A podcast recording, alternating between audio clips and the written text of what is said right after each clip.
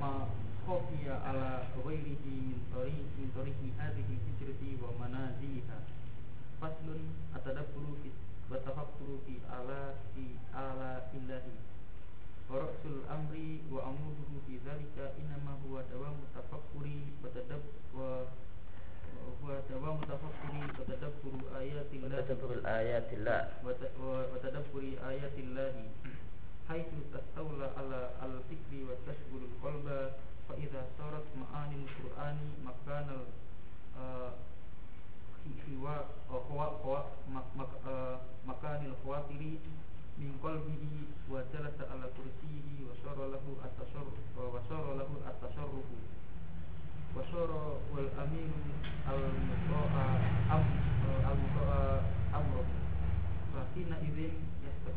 له سيره. سيره. يستقيم له سيره. سيره. ويتضح له الطريق وتراه ساكنا وهو وهو يباري الريح وترى الجيال تحسبها خامدا وهي تمر وهي تمر مر السحاب صنع الله الذي أتقن كل شيء إنه خبير بما تفعلون Nah. Kembali ini melanjutkan pembahasan tentang masalah as-safar ilallah bepergian menuju dan berhijrah menuju Allah Subhanahu wa taala dan Rasulnya maka kemarin telah kita bahas bekal yang perlu disiapkan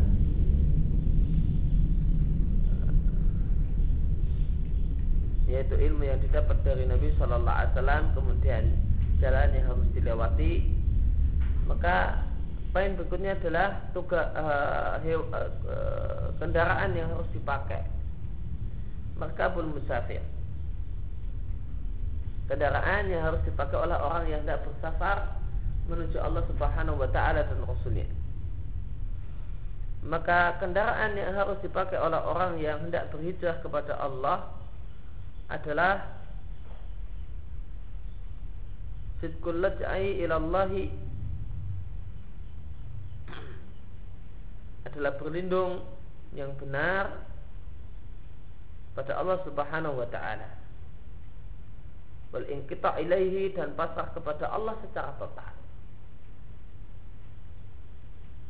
Tahqiqul iftikar ilaihi dan merealisasikan ya, al iftikar ilaihi merasa butuh kepada Allah Subhanahu wa taala bikuli wajhin dengan semua sisi. Dan menghinakan diri kepada Allah dan bertawakal sebenar-benarnya dan memohon pertolongan kepada Allah Subhanahu wa taala dan mencampakkan dirinya di hadapan Allah Subhanahu wa taala sebagaimana e, tercampakkannya orang yang pasrah, orang yang susah, orang yang farid yang tidak punya apa-apa.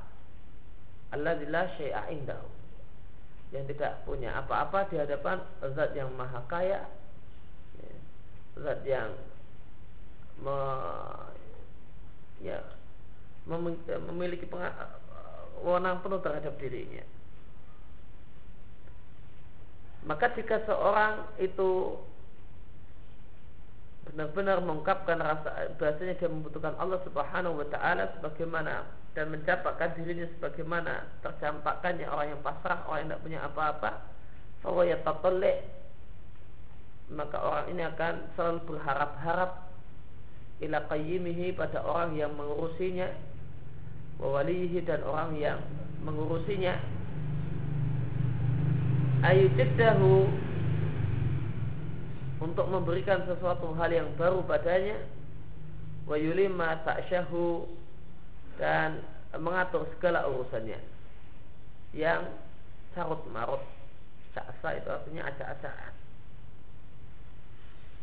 dan memberikan padanya karunianya dan menutupinya. Itu maksudnya memberi karunia. Sehingga dia tertutupi dengan karunianya. Maka orang yang semacam ini diharapkan baginya agar Allah Subhanahu wa taala memberikan hidayah padanya dan Allah menyibak untuknya berbagai hal yang samar dan tidak diketahui oleh orang yang lain. Mentorki hadil hijrah dengan melalui dengan melalui nah, hijrah ini yaitu hijrah kepada Allah wa manaziliha dan pos-posnya. Pos-pos hijrah. Kalau orang itu bersafar maka di masa silam atau ya, orang itu nanti ada tempat-tempat e, pemberhentian. Di sana dia berhenti istirahat nah, nanti dilanjutkan lagi dan seterusnya.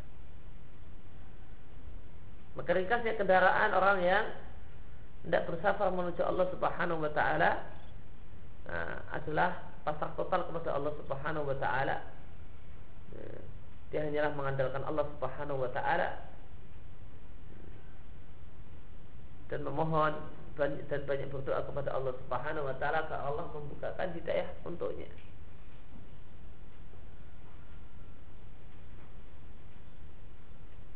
Orang yang setengah-setengah setengah untuk menerima hidayah masih ya, setengah-setengah pertimbangan dunia dan yang lainnya maka orang ini tidak akan uh, berhasil bersafar menuju Allah Subhanahu wa taala.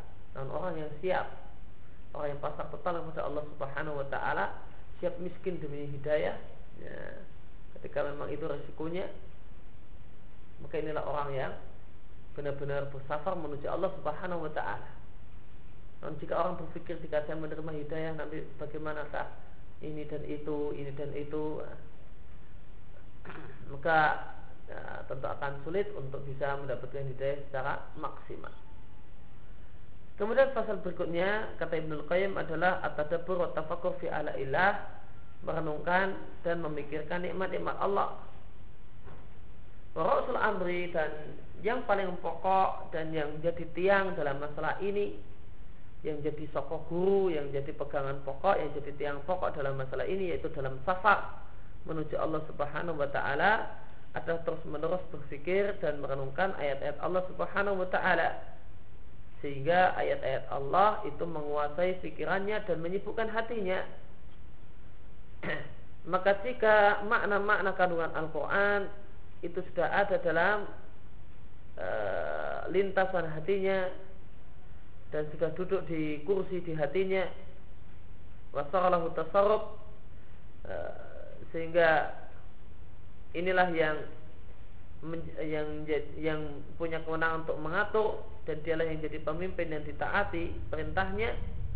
Nah, maka pada saat itu maka akan lurusnya akan luruslah perjalanannya dan akan jelaslah jalannya. Sehingga kau lihat orang tersebut tenang padahal dia berlomba dengan angin. Yubari arih. Berlomba dengan air, angin. Lari kencang dalam safarnya menuju Allah Subhanahu wa taala. Tenang akan tapi berlari kencang mengikuti angin atau mengejar angin sebagaimana tenangnya gunung. Bagaimana firman Allah Subhanahu wa taala di surat An-Naml yang ke-88 wa taral jibala tahsabuha jamidatan dan engkau lihat gunung itu engkau kira dia itu jamidatan diam.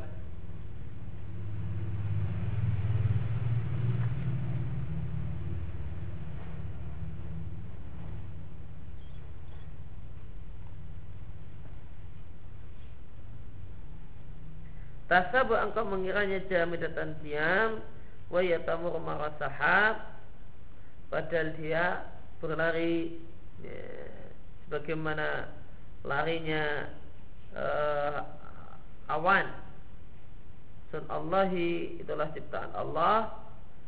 Alladzi atqana kulla syai' yang Allah Subhanahu wa taala menciptakan segala sesuatu dengan baik. Inna khabirum bima yaf'alun. Sesungguhnya Allah Subhanahu wa taala mengetahui apa yang mereka lakukan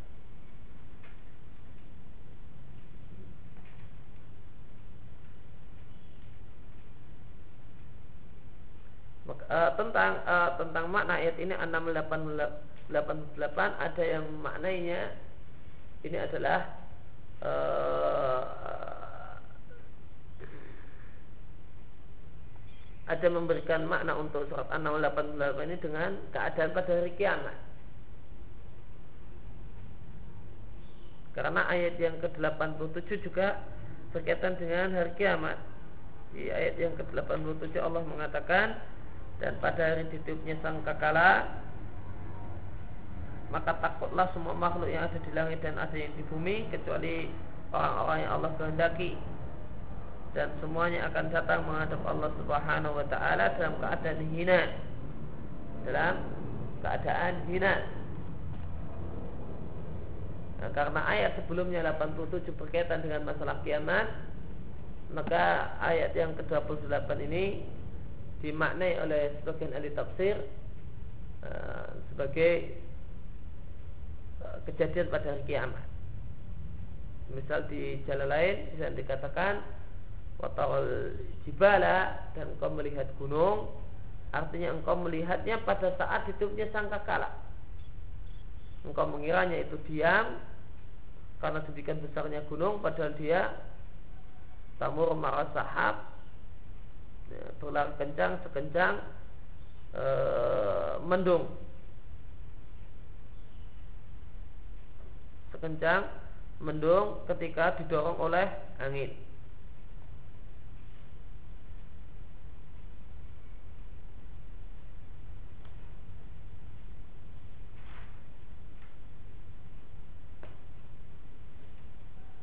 Maka akhirnya gunung tersebut kemudian jatuh ke tanah kemudian jadilah dia seperti al-ihni ya, seperti aneh-aneh kemudian menjadi debu yang bertaburan sun Allah itulah ciptaan Allah Subhanahu wa taala. Alladzi atqana yang Allah Subhanahu wa taala menciptakan segala sesuatu dengan dengan teliti dengan rapi. Inna khabirum bima yaf'alun dan Allah Subhanahu wa taala mengetahui apa yang mereka lakukan.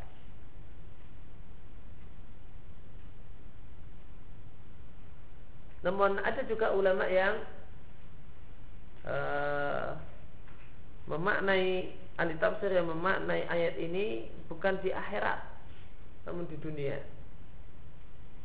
Misal Ibnu Asur eh, Misal Ibnu Asur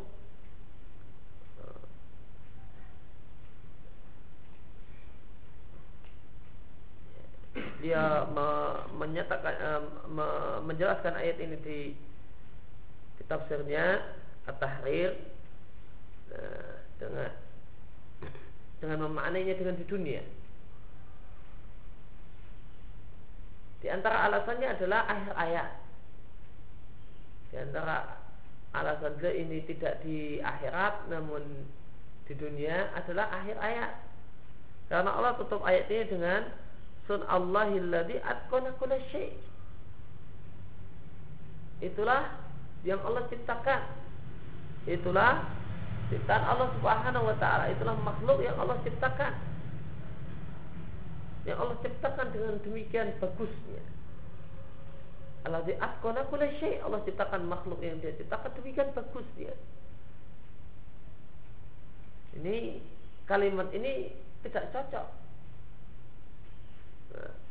untuk menurut Ibnu Asur e, kalimat ini tidak cocok e, kalau kita maknai e, ay, a, bagian awal ayat sebagai keadaan e, keadaan di akhirat. Karena jika e, di keadaan di akhirat menurut penafsiran ulama yang mengatakan keadaan di akhirat di bumi itu apa e, gunung itu kelihatan diam.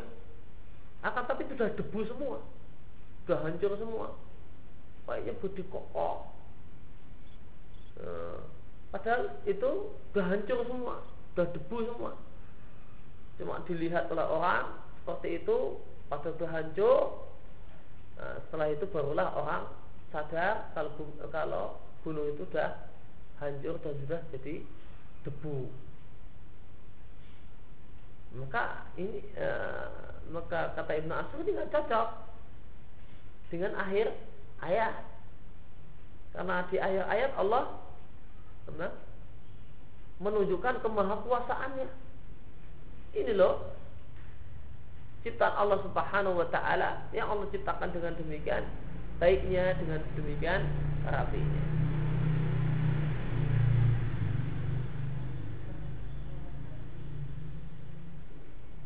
Itu alasan yang mengatakan ini di akhirat dan alasan yang mengatakan kalau ini di dunia. Alasan yang mengatakan ini di akhirat itu adalah uh, ayat sebelumnya.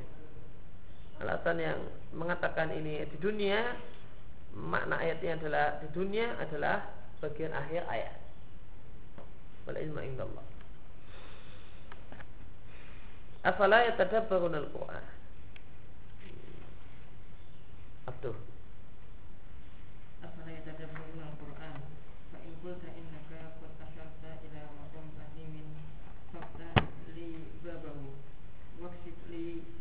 Hijabahu wa kaifa tadab wa kaifa tadabbar qur'ana wa tafhamuhu wa wa israfu ala wa kaifa tudabbirul qur'ana wa kaifa tudabbirul qur'ana wa wa tufahimuhu atau wa kaifa tadabburul qur'ani wa kaifa tadabburul qur'ani wa tafahumuhu wal israfu ala ajaibihi wa kunuzihi وهذه تفسر لأئمة بأيدينا فهل في البيان فهل في البيان غير ما ذكروه؟ قلت سأضرب لك أمثالا تحتاجي عليها وتجعلها إماما لك في هذا المقصد قال الله تعالى هل أتاك حديث بيت إبراهيم المكرمين؟ إذ دخلوا عليه فقالوا سلاما. قال سلام قوم منكرون.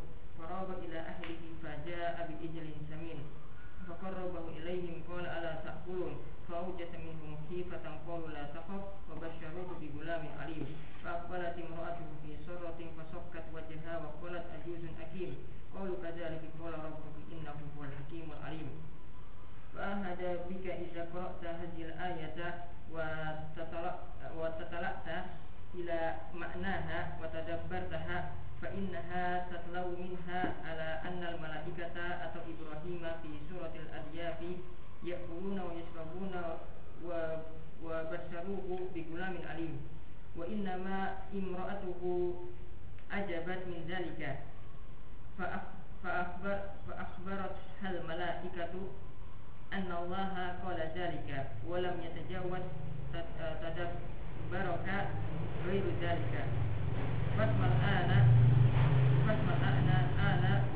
بعض ما في ما في هذه الآية من أنواع الأسرار وكم تضمنت من الثناء على إبراهيم وكيف جمعت جمعت الضيافات وحقوقها وما تضمنت من الرد على أهل البلد وكيف جمعت الضيافة وحقوقها وكيف جمعت الضيافة الضيافة وحقوقها وما تضمنت من الرد على أهل الباطل من الفلاسفة والمؤثلة وكيف تضمنت علما عظيما من أعلام النبوة وكيف تضمنت جميع جميع جميع صفات الكمال التي التي ردها إلى العلم والحكمة وكيف أشارت إلى دليل دليل إمكان المعاد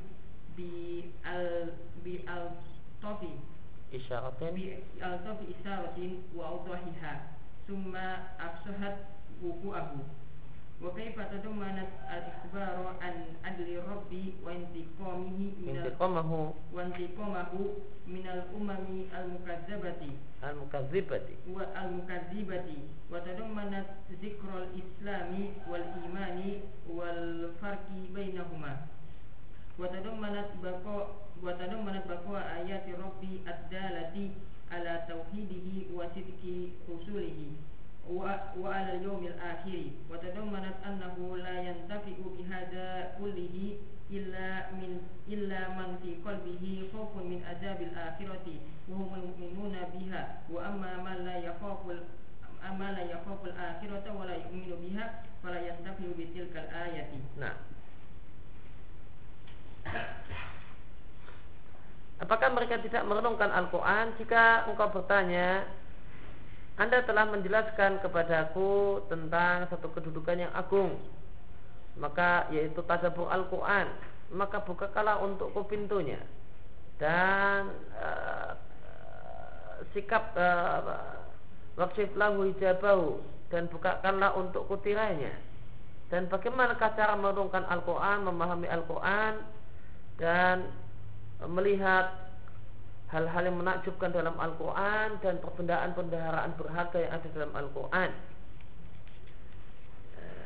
Ah, tafsir-tafsir para ulama ada di hadapan kita. Fahal fil bayan, maka adakah penjelasan ayat-ayat Al-Quran selain apa yang disebutkan oleh para imam ahli tafsir? Nah, bisakah kita tadabur melebihi apa yang dikatakan dan disampaikan oleh para ulama ahli tafsir. Maka Ibnu Qayyim mengatakan akan aku buat contoh beberapa contoh untukmu sehingga engkau bisa mengikutinya, ya, engkau bisa menirunya dan engkau bisa menjadikan contoh tersebut sebagai imammu, teladanmu dalam tujuan ini. Maka uh, Ibnu Qayyim akan mengajak kita untuk tadabur dan beliau katakannya adalah contoh contoh untuk cara tadabur. Uh, contoh cara tadabur terhadap Al-Quran, cara merenungi Al-Quran dan menyibak makna-makna rahasia dan yang mendalam yang ada dalam Al-Quran. Beliau contohkan dengan surat Az-Zariyat ayat 24 sampai 30. Allah Subhanahu wa taala berfirman, Hal ataka apakah telah tiba padamu hadis Sudaifi Ibrahim ya, cerita tentang tamunya Ibrahim al-mukramin yang merupakan orang-orang yang dimuliakan yaitu para malaikat. Ada yang mengatakan para malaikat yang datang dengan rupa manusia rumah Ibrahim ini jumlahnya 20, 12 ada yang mengatakan 10 ada yang mengatakan 3 yang jelas di sana ada ada malaikat Jibril. Dan ayat ini dalil bahasanya malaikat bisa berupa dengan rupa manusia. Itu kalau alaihi para malaikat yang berupa dengan rupa manusia ini datang menemui Ibrahim e, masuk ke rumahnya Ibrahim lalu mengucapkan salaman Kemudian Ibrahim pun mengatakan salamun. Kamu mung, kamu mungkarun ini adalah orang-orang yang mungkarun belum kami kenal. Ibrahim mengatakan ini, ya ini adalah orang-orang yang tidak aku kenal dalam hatinya. Faragha ila ahlihi maka Eh, maka dia cenderung atau dia pergi ila ahli menuju keluarganya diam-diam tanpa setahu tamunya. Baca api ijlin samin maka diam-diam dia, dia, uh, dia tinggalkan tamunya tersebut ya. dia ke, uh, ke rumahnya dan apa yang dilakukan oleh Ibrahim motong sapi anak sapi. Baca lalu datanglah Ibrahim bi ijlin zamin dengan anak sapi yang gemuk. Eh, eh, ada penjelasan tambahan di surat Hud. Kalau di surat Hud dikatakan bi ijlin hanir dengan daging anak sapi yang sudah dipanggang. Maka disuguh tamunya dia motong anak sapi untuk nyuguh tamunya. Inilah ya tuan rumah teladan Nabi Ibrahim. Dan dikatakan bahasanya Nabi Ibrahim adalah orang yang pertama kali uh, memberikan jamuan untuk tamu ada yang menjelaskan Demikian Allah alam. Faqarabau ilaihim lalu Nabi Ibrahim mendekatkan daging tersebut kepada tamu-tamunya. Kal kemudian Ibrahim mengatakan mempersilahkan tamunya untuk makan dengan bahasa yang sopan, dengan bahasa yang halus. Ala tak kulun, tidakkah kalian memakannya? Nabi Ibrahim tidak mengatakan makan. Ayo dimakan. Tidakkah ya, kalian menikmatinya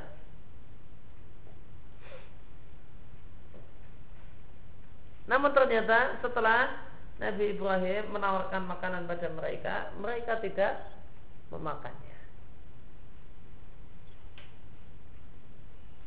Ini dalil bahasanya malaikat tidak makan.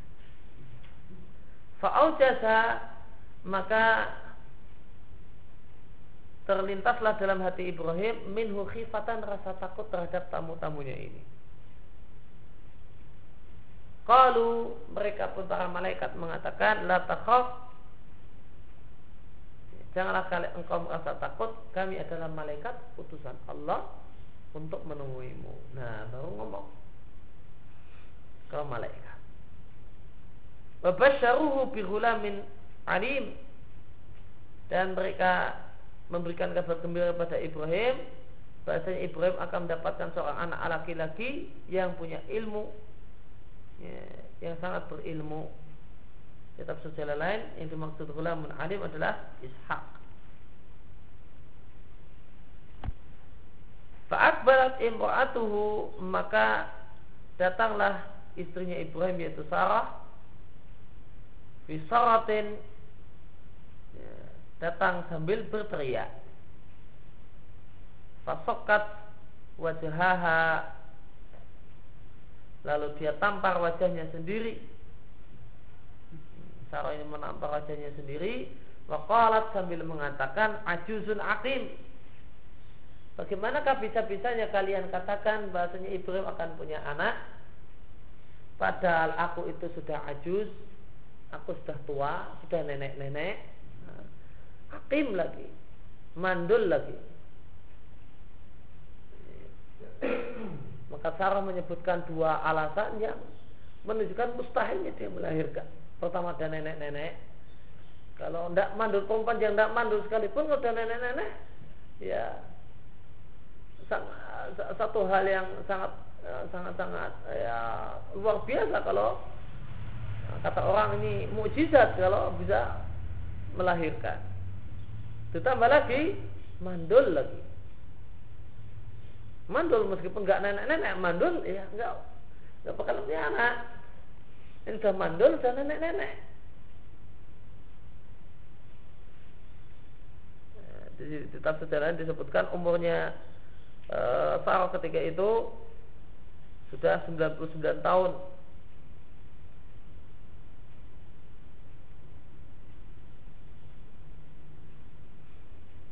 ada juga uh, dan Ibrahim 100 tahun. Ada juga yang menjelaskan umurnya Ibrahim ketika itu ketika diberitahu itu 120 tahun sedangkan umur Sarah 90 tahun.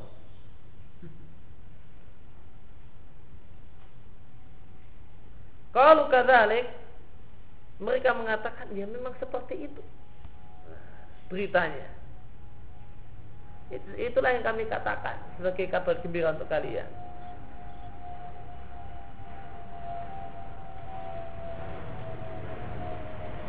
Maka demikianlah kalau Rabbuki yang difirmankan oleh Rabbmu wahai Sarah. Innahu hakimul alim. Ya Allah Subhanahu wa taala yang maha bijaksana ya, dan maha mengetahui.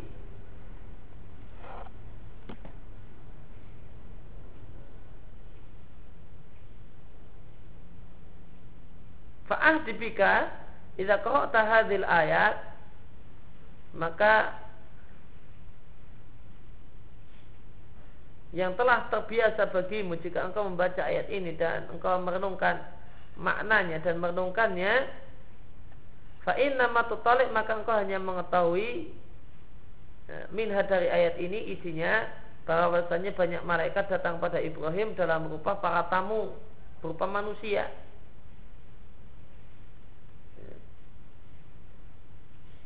Ya kulu nawai syurabun makan dan minum yang layaknya tamu itu harusnya makan dan minum. E, ternyata nggak memakan dan minum dan para tamu ini memberikan kabar kepada Ibrahim kalau dia akan mendapatkan seorang anak laki-laki. Kemudian perempuan istrinya Ibrahim merasa heran dengan hal tersebut. Kemudian para malaikat mengatakan pada istri Ibrahim bahasanya Allah berfirman demikian. Nah, walam yatajawas tadabuka Biasanya ya, perenunganmu terhadap Al-Qur'an tidak melewati makna ini. Ya cuma semacam ini saja. Ibnu mengatakan biasanya orang ya, mungkin engkau kalau baca ayat di atas cuma apa isinya? Ya, isinya cerita. Isinya cerita, oh ada malaikat datang ke rumah Ibrahim dalam rupa manusia yang dikira makan dan minum ternyata nggak mau makan dan minum. Kemudian memberitahu kalau nanti Ibrahim punya anak laki-laki. Nah, mungkin kalau kamu ditanya apa isi ayat di atas, itu cuma jawabnya semacam itu. Nah ini menunjukkan tidak tadabur terhadap Al-Quran. Ya itu cuma tadaburnya orang awam. Nah itu Itu makna kandungan yang ditangkap oleh orang awam Kalau baca Al-Quran. Ya cuma makna-makna yang Datar-datar dan sekilas yang ada di ayat. Yang kurang lebih semua orang tahu lah. Dan, dan bukan semacam itu tadabur yang sesungguhnya Fasma al-an itu tadi yang biasa engkau tangkap dari ayat ini. Sekarang dengarkanlah sebagian isi ayat di atas. Min anwa'il asrar yang memuat banyak rahasia. Bahkan kam kota domanat minat sana ala Ibrahim. Ayat di atas memuat betapa banyak memuat sanjungan pada Nabi Ibrahim. Di atas ada sanjungan pada Nabi Ibrahim. Dan ayat di atas mengumpulkan ya, membahas tentang masalah jamuan untuk tamu dan hak-hak jamuan tamu. Dan ayat di atas memuat bantahan terhadap ahlul batil yaitu para ahli filsafat dan orang yang ahlu ta'til.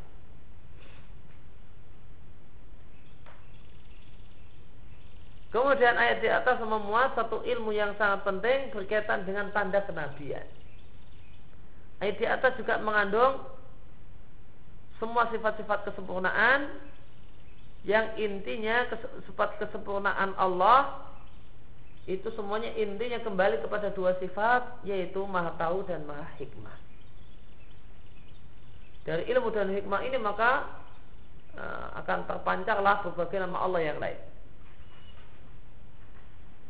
Kemudian ayat di atas mengisyaratkan bukti mungkinnya terjadinya hari berbangkit. Imkanil ma'ad.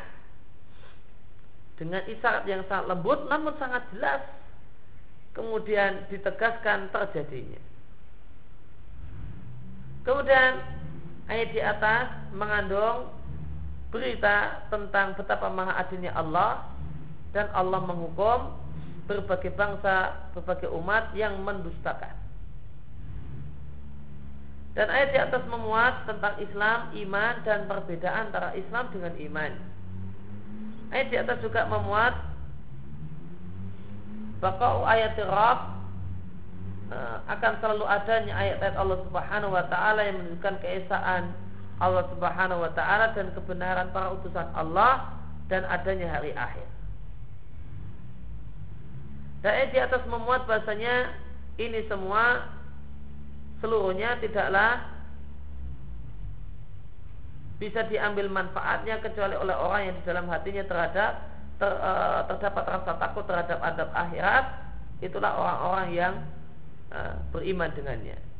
Adapun orang yang tidak beriman dengan akhirat, tidak merasa takut dengan akhirat dan tidak beriman dengan akhirat, maka ayat-ayat tersebut dia tidak bisa mengambil manfaat dengan ayat-ayat tersebut. Itu di antara isinya. Kok bisa isinya semacam itu? Nah akan dijelaskan oleh Ibnul Qayyim. Nah,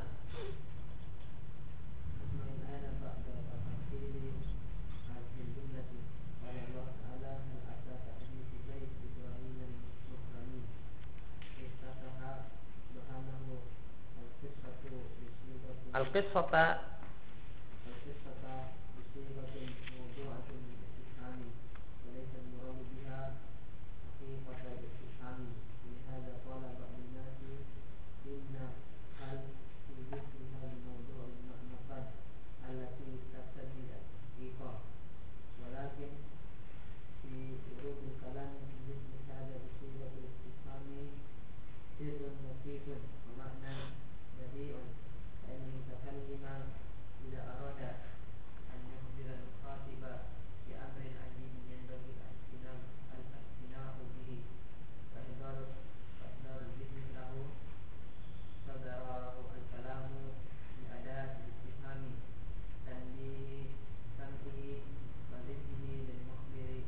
mukhbari bihi. Yusaddiruhu. di ala.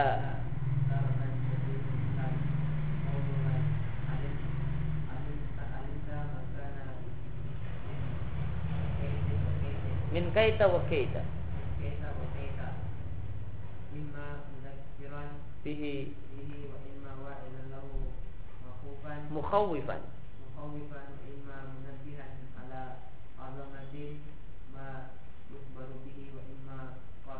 مقررا له مقررا له قال تعالى وهل أتاك حديث موسى وهل أتاك نبأ الخصم وهل هل أتاك حديث الغاشية هل أتاك حديث بيت إبراهيم المكرمين فدمنا بتعليم هذه القصص قصصي قصصي والتنبيه على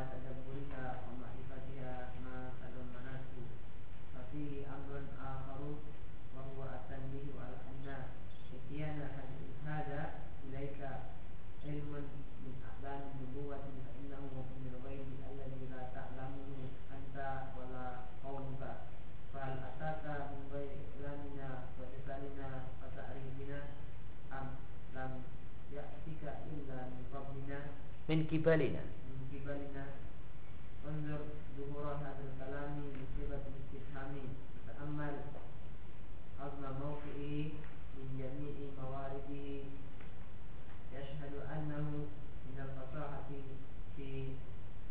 nubuwatiha.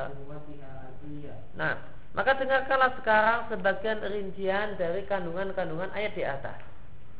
Allah berfirman, apakah telah datang padamu cerita tentang tamunya Ibrahim yang mereka adalah orang-orang yang dimuliakan oleh Ibrahim. Maka Allah Subhanahu wa taala membuka kisah Ibrahim ini dengan menggunakan kata-kata yang biasanya dipakai untuk kalimat tanya, yaitu apakah. Padahal bukanlah maksudnya untuk bertanya. Oleh karena itu sebagian ulama nahwu atau ulama bahasa mengatakan sesungguhnya apakah dalam sikon semacam ini maknanya adalah qad. Maknanya adalah sungguh. Maknanya adalah qad dan makna qad adalah tak tadi tahqiq. Tak tadi memuat makna at-tahqiq. Ya, penegasan. Sungguh benar-benar terjadi. Akan tetapi disampaikannya sebuah kalimat Fimislihat dalam sikon semacam ini dengan menggunakan kata tanya itu mengandung rahasia yang lembut dan mengandung makna yang sangat indah. Karena pembicara jika dia ingin untuk menyampaikan kepada lawan bicaranya menyampaikan sesuatu yang sangat menakjubkan maka sepatutnya pembicara tersebut untuk memberikan perhatian tambahan dan memancing pikiran orang yang diajak bicara. Nah karena, karena demikian lahul kalama maka dia mulai kalimat ya, dia mulai kalimat kalimatnya dengan menggunakan kata tanya dalam rangka untuk menarik pendengaran, memancing pendengaran lawan bicaranya dan pikiran lawan bicaranya lil mukhbar bihi untuk cerita yang akan dia sampaikan. Maka terkadang dia menggunakan dia mulai pembicaraannya dengan menggunakan kata-kata ala atau dengan kata-kata hal semisal mengatakan hal alimta apakah kamu tahu? Maka apa yang pernah terjadi? Min kaita wa kaita yaitu demikian dan demikian. Nah boleh jadi kata tanya yang digunakan dalam sikon semacam ini tujuannya adalah mengingatkan. Artinya orang yang diajak bicara sudah tahu. Cuma diingatkan. Atau untuk memberi nasihat dan menakut-nakuti. Atau untuk mengingatkan menceritakan betapa agungnya apa yang mau dia sampaikan atau cuma sekedar memberikan penegasan kepadanya akan terjadinya suatu hal oleh karena itu cerita-cerita yang sangat besar sangat penting Allah buka dengan hal dalam banyak ayat Al-Quran Hal ataka hadis Musa? Apakah engkau tahu cerita Nabi Musa? Apakah engkau tahu cerita tentang seorang yang uh, al-khasam, seorang yang mendebat? Apakah engkau tahu tentang cerita tentang kiamat? Demikian juga di sini, apakah engkau tahu cerita tentang tamunya Nabi Ibrahim yang mereka adalah orang-orang yang dimuliakan oleh Nabi Ibrahim?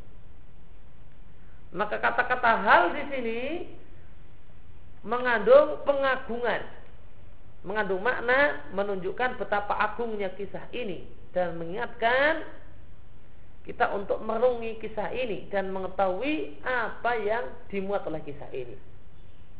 Karena kisah ini kisah yang agung, maka harus direnungkan sehingga kita tahu apa makna yang terkandung dalam kisah-kisah ini. Dan dalam kata-kata hal di sini juga mengandung makna yang lain. Ada hal yang lain yang ada yang termuat dalam kata-kata hal di sini. Yaitu tanbih, mengingatkan bahasanya datangnya cerita ini kepada wahai Muhammad adalah salah satu bukti kenabianmu. Karena cerita ini adalah hal gaib yang tidak engkau ketahui, tidak pula diketahui oleh kaummu orang-orang Quraisy. Maka mungkinkah cerita ini sampai kepadamu tanpa pemberitahuan kami dan tanpa ya, pengutusan kami ya, tanpa tanpa kami angkat dirimu sebagai rasul wa dan tanpa pemberitahuan kami kepadamu. Ataukah tidaklah engkau mendapatkan cerita ini illa min kibalina kecuali dari arah kami?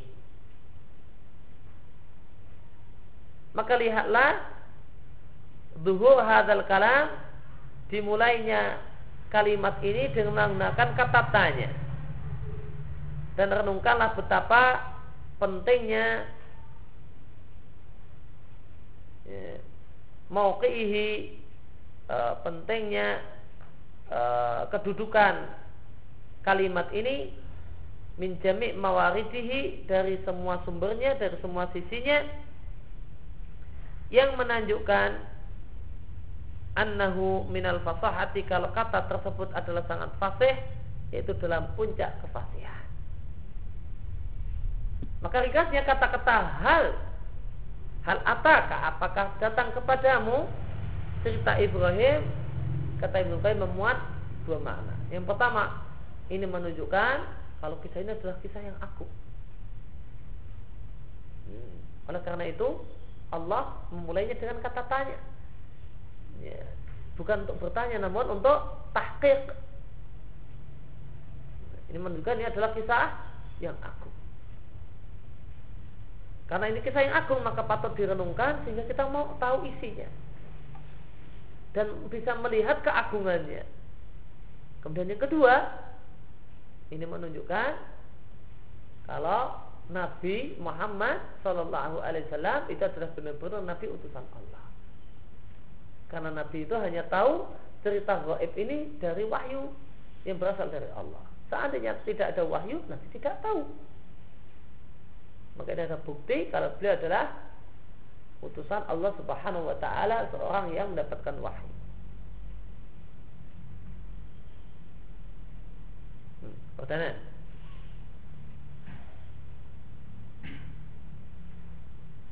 Mutadaminun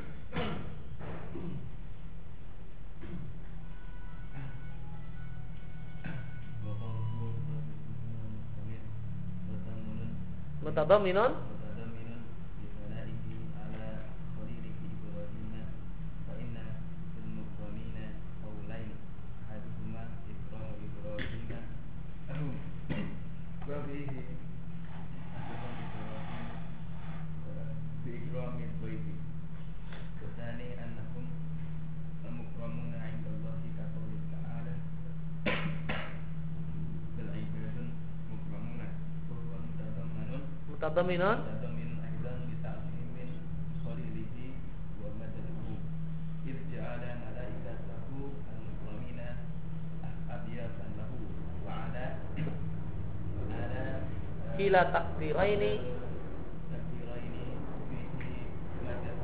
madhun nah. Daifu Ibrahim Mukramin Tamunya Nabi Ibrahim Yang dimuliakan maka dalam ayat ini terdapat memuat sanjungan kepada sanjungan Allah kepada kekasihnya yaitu Ibrahim. Karena tentang makna al-mukramin ada dua pendapat ahli tafsir.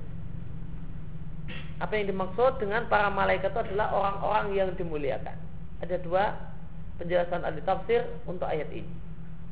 Penjelasan yang pertama mengatakan mereka adalah orang-orang yang dimuliakan oleh Ibrahim karena menjadi tamunya Ibrahim.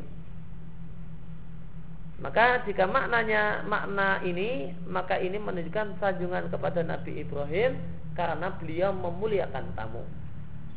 Maka orang yang baik, orang yang terpuji adalah yang memuliakan tamu. Maka memuliakan tamu adalah di antara sifat terpuji. Pendapat yang kedua mengatakan bahwasanya para malaikat maknanya adalah malaikat adalah makhluk-makhluk yang dimuliakan oleh Allah. Dimuliakan dan mulia di sisi Allah.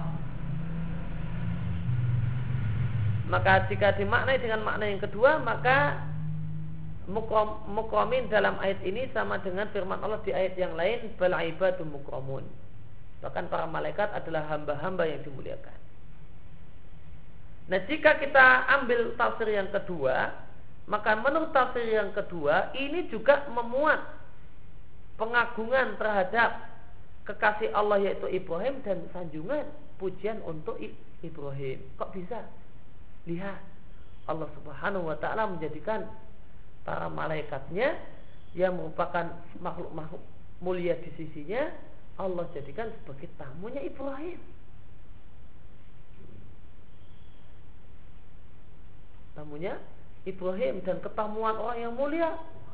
Ini satu hal yang sangat-sangat eh, sangat-sangat eh, sangat-sangat besar nilainya. Dapat tamu orang mulia. Meskipun barang sebentar pernah rumahnya dimasuki orang mulia itu nanti untuk bahan cerita. Untuk bahan cerita. Oh, dulu Pak Presiden pernah masuk rumah ini loh kalau diceritakan ke anak cucu itu. Nah, oh, dulu wah ini Jenderal Sudirman pernah mampir di sini, pernah duduk di sini loh. Wah, itu dia diceritakan sama semua orang tuh. Maka mendapatkan tamu orang yang mulia itu adalah sebuah kemuliaan. Dan itu menunjukkan ya, karena orang menilai ya, bahasanya orang yang ditamui itu adalah orang yang mulia di sisi orang yang mulia.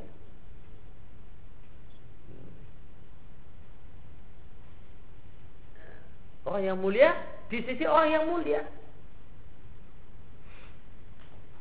Maka ini menunjukkan mulianya Ibrahim. Karena dia ditamui oleh makhluk yang mulia.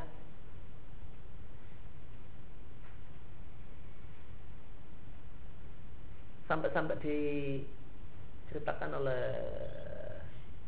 Ghazali di Ihya atau An-Nawawi di Al-Azkar nah, di antara contoh ria nah, di antara contoh ria adalah seorang itu ria dengan tamunya.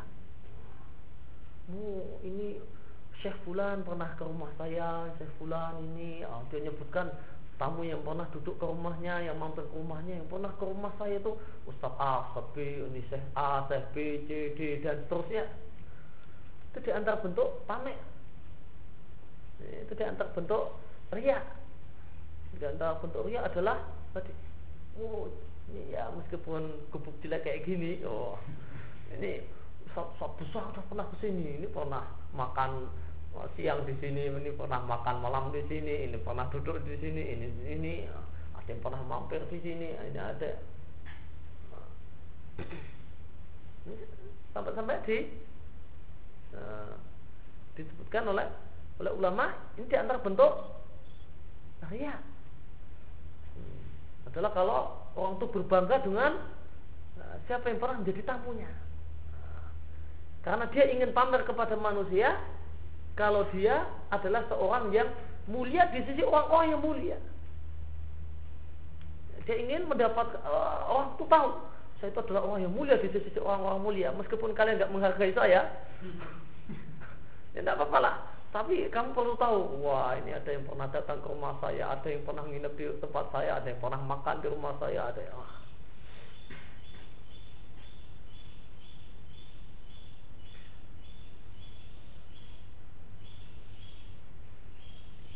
Nah, maka seandainya kita pakai penafsiran yang kedua, maka ini menunjukkan tetap menunjukkan mulianya Ibrahim. Maka apa pun tafsirnya, baik yang pertama ataupun yang kedua, semua ayat ini menunjukkan mulianya dan terpujinya Nabiullah Ibrahim.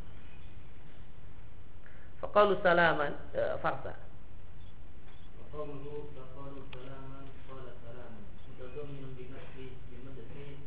Bimadhin akhara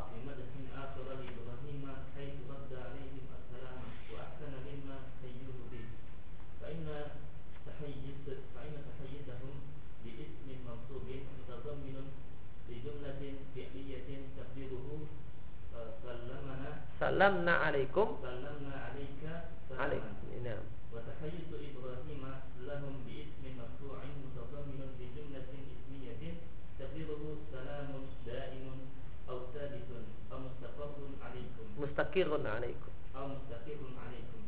Wa la raiba anna al-jumlata al-ismiyata taqtadi al-thubuta wal-luzuma. Wal fi'liyata taqtadi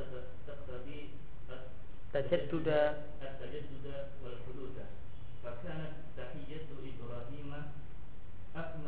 أكمل أكمل. وأحسن. ثم قال قوم منكرون.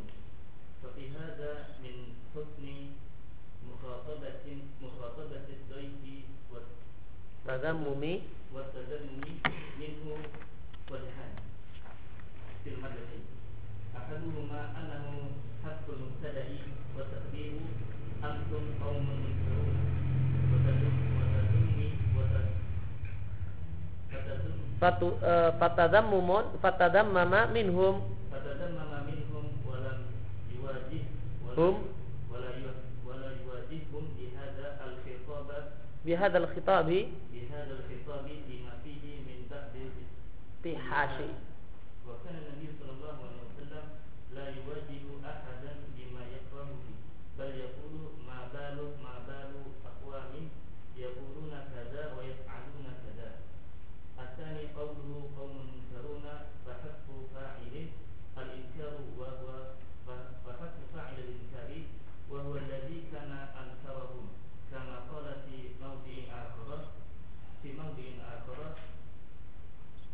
nakarahum nakarahum wala raiba an anna al-fahud min ayyakula angkartum nah Faqala afaqalu salaman qala salamun. Ayat ini memuat pujian yang lain untuk Ibrahim yaitu Nabi Ibrahim menjawab salam tamunya dengan ucapan salam yang lebih baik daripada penghormatan tamunya yaitu para malaikat. jawaban Ibrahim itu jawaban salamnya Ibrahim itu lebih baik daripada salamnya malaikat pada Ibrahim. Kenapa? Karena penghormatan malaikat dengan menggunakan isim yang dibaca mansub artinya ini menunjukkan itu jumlah fi'liyah. Sehingga artinya adalah salam na'alaikum salaman kami mengucapkan salam untuk kalian. Sedangkan penghormatan Ibrahim kepada tamunya para malaikat dengan menggunakan isim marfu sehingga menunjukkan kalau ini adalah kalimat jumlah ismiyah sehingga maknanya salamun daimun keselamatan terus menerus sabitun ada dan mustakirun eh, ada pada kalian. Dan tidak diragukan ya, eh, kaidah dalam ilmu balaghah mengatakan anal jumlatal ismiyah taqtadi subuta wal luzuma wal fi'liyata taqtadi at-tajadduda wal hudusa ini kaidah dalam ilmu balaghah. Dan tidak, tidak diragukan berdasarkan kaidah ilmu balaghah. Bahasanya jumlah ismiyah itu menunjukkan sesuatu yang ya, tetap dan terus menerus. Sedangkan jumlah fi'liyah itu menunjukkan tajaddud satu hal yang baru datang baru besok tidak ada datang lagi nah, besok tidak ada lagi wal hudus dan sesuatu yang baru yang tadinya tidak ada.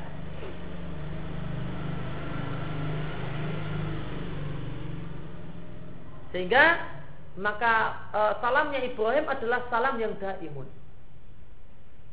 Karena menggunakan jumlah ya, menggunakan jumlah ismiyah. Sedangkan salamnya malaikat tidak menunjukkan makna daimun. Namun yang doa, doa keselamatan Ibrahim semoga kalian selalu mendapatkan keselamatan. Sedangkan salamnya malaikat semoga Allah berikan keselamatan pada kamu.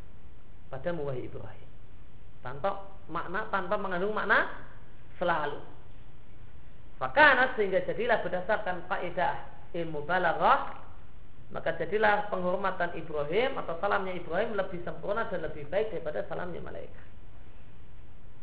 Ini penjelasan ini pertama kali saya baca uh, saya dapatkan dari uh, sarahnya Syekh Muslimin untuk Riyadhus Salih ketika nyinggung ayat. Kalau nggak salah mungkin di bab salam mungkin dan menjelaskan salamnya Ibrahim itu lebih baik daripada salamnya malaikat. Namun ternyata Sulaiman itu asalnya dari perkataan Ibnu Qayyim.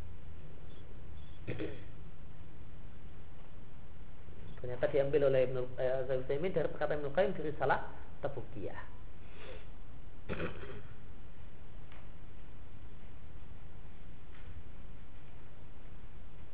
Dan ayat ini dalil bolehnya mengucapkan salam dengan kata nakirah itu berdasarkan perkataan Ibrahim salamun ya.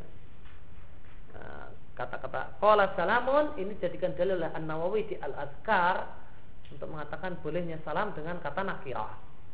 Tidak harus uh, assalamu dengan menggunakan al. Boleh juga tanpa al sebagaimana salamnya Ibrahim. Suma kalau kaum mungkarun uh, Ibrahim kemudian mengatakan ini adalah orang-orang yang tidak aku kenal.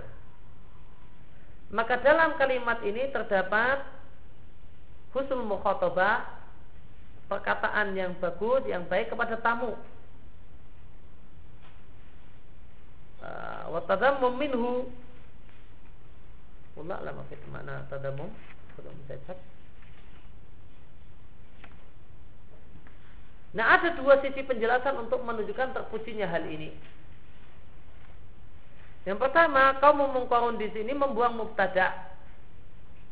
Sehingga maknanya antum kaum mungkarun, mungkarun. Kalian adalah orang-orang yang tidak dikenal. mama minhum. Nah, mama mungkin maknanya mencela mungkin ya. Nah, maka Nabi Ibrahim mencela e, mencela tamu-tamunya, namun walam yuwajihum tidak diomongkan secara langsung, cuma dibatin dalam hati, tidak di diungkapkan seka, e, di hadapannya. Lam yuwajihum bihadal khitab. Ya. E, tidak diarahkan adalah khitab kata-kata semacam ini langsung kepada tamunya. Kenapa? Lima fi min ba'dil istihash. Uh, uh, karena ini uh, karena kata-kata ini menunjukkan apa? Ba'dul istihas uh, sedikit istihas merasa tidak enak. Wahsyah diambil dari kata-kata wahsyah. Wahsyah itu lawan dari uh, akrab dan akrab dan jinak. Maka ini menunjukkan uh, ya Ibrahim tuh agak kurang enak ketemuan ini. Beda kalau kalau orangnya sudah orang dikenal sahabat kental eh, tamu maka enak ditamui. Maka karena maka Ibrahim tidak secara terus, terus terang ah, Bapak ini siapa ya? Nah. Kayaknya belum pernah ketemu ya. Ibrahim nggak mengatakan demikian. Nah, mengatakan demikian namun di dalam hatinya siapa ini tamu saya ini ya. Ada orang bertamu ini ya, ya belum pernah lihat, belum pernah kenal. Namun nggak diomongkan. Ya sudah diterima begitu saja bahkan disukup dengan sukuan istimewa. Bahkan Nabi SAW dan Nabi SAW tidak pula tidak pernah iwajih ahadan secara terus terang Eh, di hadapan seseorang meng, mengatakan sesuatu yang tidak disuka oleh orang tersebut oleh karena itu jika Nabi mengingkari perbuatan dan perkataan sebagian orang kesukaan Nabi adalah mengatakan mabalu akwamin Kenapa ada sekelompok orang yang mengatakan demikian dan melakukan demikian dan demikian?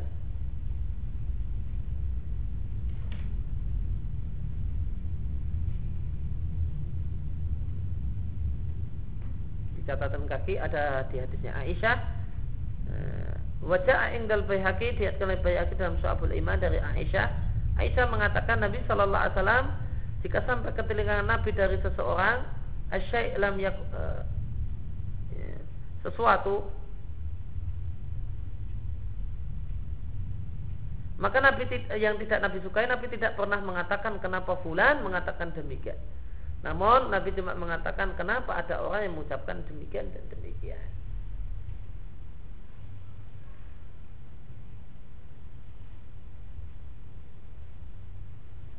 Namun Nabi tidak uh, tidak ber, uh, mengatakannya langsung di depan uh, ketika di depan orangnya Nabi tidak mengatakan kenapa si A uh, disebut namanya tidak. Nabi kenapa ada orang berbuat demikian dan berbuat demikian. Maka di sini dalil bahasanya hukum asal tahzir itu adalah tahzir terhadap perbuatan dan perkataan. Bukan terhadap perasaan. Hukum asal, ini hukum asal. Ya. Dan orang itu tidak boleh keluar dari hukum asal kecuali ya, karena dalil dan karena satu tuntutan. Hukum asal dalam tahdir adalah kita kita mentahdir pendapat pendapat orang, perkataan orang, ini ada perkataan orang yang keliru, pendapat orang yang keliru, ah, kita ingatkan. Boleh jadi uh, orang ada di depan kita ataupun tidak, ya kita ingatkan dalam bentuk ini. Dan inilah yang Nabi ajarkan. Nabi mengatakan ketika beliau mentahbir perbuatan yang keliru dilakukan oleh sahabat, maka Nabi naik mimbar dan Nabi mengatakan mabalu akwamin. Kenapa ada orang yang berbuat demikian dan demikian? Dan ini hukum asal. Artinya eh, tidak menutup kemungkinan untuk nyebut nama. Namun kapan? Ketika ada kebutuhan. Ketika ada kebutuhan. Tidak jelas apa yang dimaksudkan kecuali dengan nyebut nama misalnya. Atau kita ini ada ada ada sesuatu yang berbahaya ya. dan jika nggak disebut namanya waktu nggak jelas siapa yang dimaksud berbahaya yang tidak boleh yang harus kita bersikap hati-hati dengannya itu siapa kalau cuma menyebutkan gambarannya tidak paham isyarat saja nggak paham apa maksudnya. Nah maka uh, boleh jadi ketika itu boleh uh, bisa nyebut nama. Namun as, ingat asalnya tidak menyebut nama. Itu yang Nabi ajarkan. Kemudian yang kedua kamu mengkawan di sini ini mungkarun dengan menggunakan isim maf'ul. Artinya dibuang fa'il fa'ilnya. Eh, yaitu dibuang orang yang menganggap ini adalah orang-orang yang aneh dan tidak dikenal. Bagaimana dalam ayat lain Allah mengatakan nakarohum Nabi Ibrahim mengingkari mereka karena mereka nggak mau makan. Maka tidaklah diragukan bahasanya kata-kata tidak dikenal itu lebih lembut daripada uh, ungkir tum aku tidak kenal kalian. Ya, seandainya ini diucapkan oleh Nabi Ibrahim secara lisan, ya, seandainya ini diucapkan oleh Nabi Ibrahim secara lisan, maka ini juga seandainya makna ayat kan ini tidak dijelaskan di ayat ini. Apakah Nabi Ibrahim itu mengatakannya di dalam hati ataukah tidak e, maka ada dua kemungkinan. E, kalau misalnya ini adalah diucapkan oleh Ibrahim dengan dengan lisan di hadapan para tamunya namun lihat ini ada bahasa yang lembut. Nabi Ibrahim tidak mengatakan saya nggak kenal sama bapak-bapak. Ada apa ya? Nah, apa kalau bapak-bapak kemarin saya nggak kenal sama bapak-bapak. Nggak bilang demikian kan namun kalau dalam bahasa kita maaf ya kayaknya belum pernah kenal ya belum pernah nah, belum pernah ketemu belum pernah lihat nah, ya, belum belum pernah kenal ya, ya belum pernah lihat kayaknya belum pernah jumpa. Beda dengan oh saya nggak kenal sama bapak loh. Ini nggak salah alamat mampir ke sini gitu. Belum pernah kenal sama bapak anda maka bahasanya dengan membuang kata-kata siapa yang tidak kenal itu? Uh, mungkahun. Orang tidak dikenal tidak disebut siapa yang tidak kenal? Dengan menggunakan isim maf'ul ini lembut. Uh, berbeda dengan kalau Nabi Ibrahim mengatakan saya tidak kenal kalian. Nah, ini, agak kasar. Nah, maka ini uh, dalam hal ini dari dua penjelasan tadi maka kata Ibnu Qayyim ini menunjukkan bagaimanakah berbicara yang bagus dengan tamu. Berbicara yang bagus dengan tamu. Menggunakan pilihan yang lembut dan Ya demikian yang kita baca kesempatan pagi hari ini. Wasallallahu ala nabiyina Muhammadin wa ala alihi wasallam wa alhamdulillahi alamin. Subhanakallah wa bihamdika asyhadu an la ilaha illa anta astaghfiruka wa atubu ilaik.